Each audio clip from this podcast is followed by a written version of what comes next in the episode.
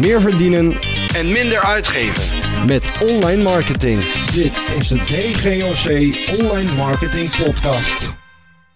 aflevering 132 en deze heb ik even extra opgenomen op het moment dat ik een artikel tegenkwam van de Consumentenbond. Dit gaat over de Consumentenbond wil weer eens punten scoren. Ik ben niet per se voor de consument of tegen de Consumentenbond. Ik denk dat ze een heleboel hele goede dingen doen. Maar zo af en toe publiceren ze iets en dan gaat het over een onderwerp waar je zelf verstand van hebt. En dan denk je ook aan de andere kant. Wie zit er aan de andere kant van de tafel? Nou, ik zal bij deze specifieke podcast of bij het blog, de blogversie hiervan, zal ik het artikel waar het over gaat met jullie delen. Het gaat over het artikel wat begin november is gepubliceerd. Bedrijven delen ongevraagd klantgegevens met Facebook. Ja, natuurlijk delen bedrijven klantgegevens met Facebook. Hoe denk je zelf dat we anders remarketing moeten uitvoeren? Hoe we mensen opnieuw kunnen targeten en relevante advertenties en reclame aan onze eigen klanten kunnen laten zien?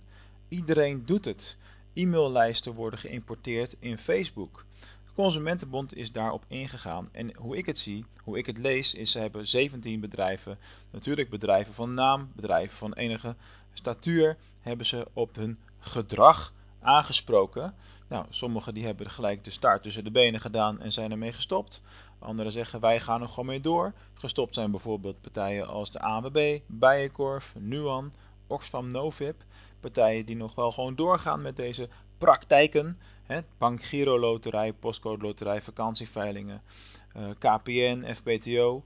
Nou, en er zijn ook een paar die houden heel slim hun mond. HelloFresh, Hotels.nl, Heerlijk.nl enzovoorts.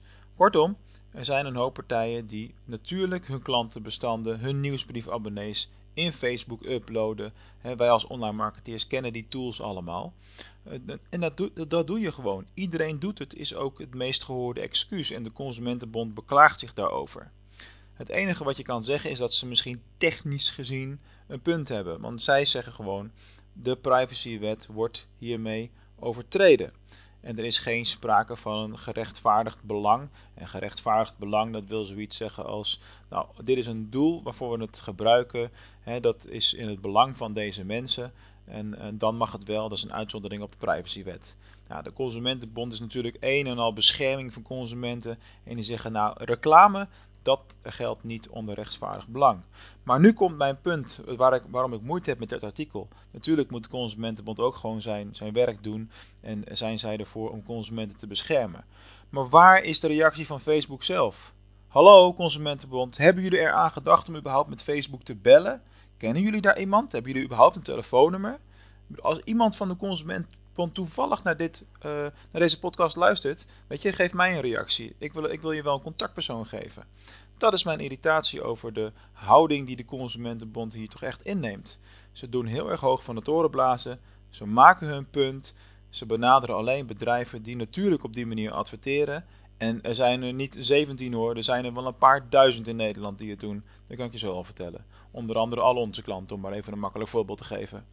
Consumentenbond, wat heeft Facebook gezegd? Facebook is natuurlijk de partij waar jij je e-maillijst überhaupt kunt uploaden waar jij überhaupt de tools en de mogelijkheden krijgt om zulke acties uit te voeren. Hoe staan zij er dan tegenover? Nou, het zou leuk zijn als we daar een antwoord op kunnen krijgen. Voor nu wou ik het even bij deze tirannie of, of, of of hoe je het ook noemen wil, houden.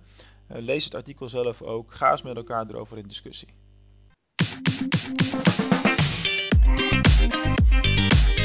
Música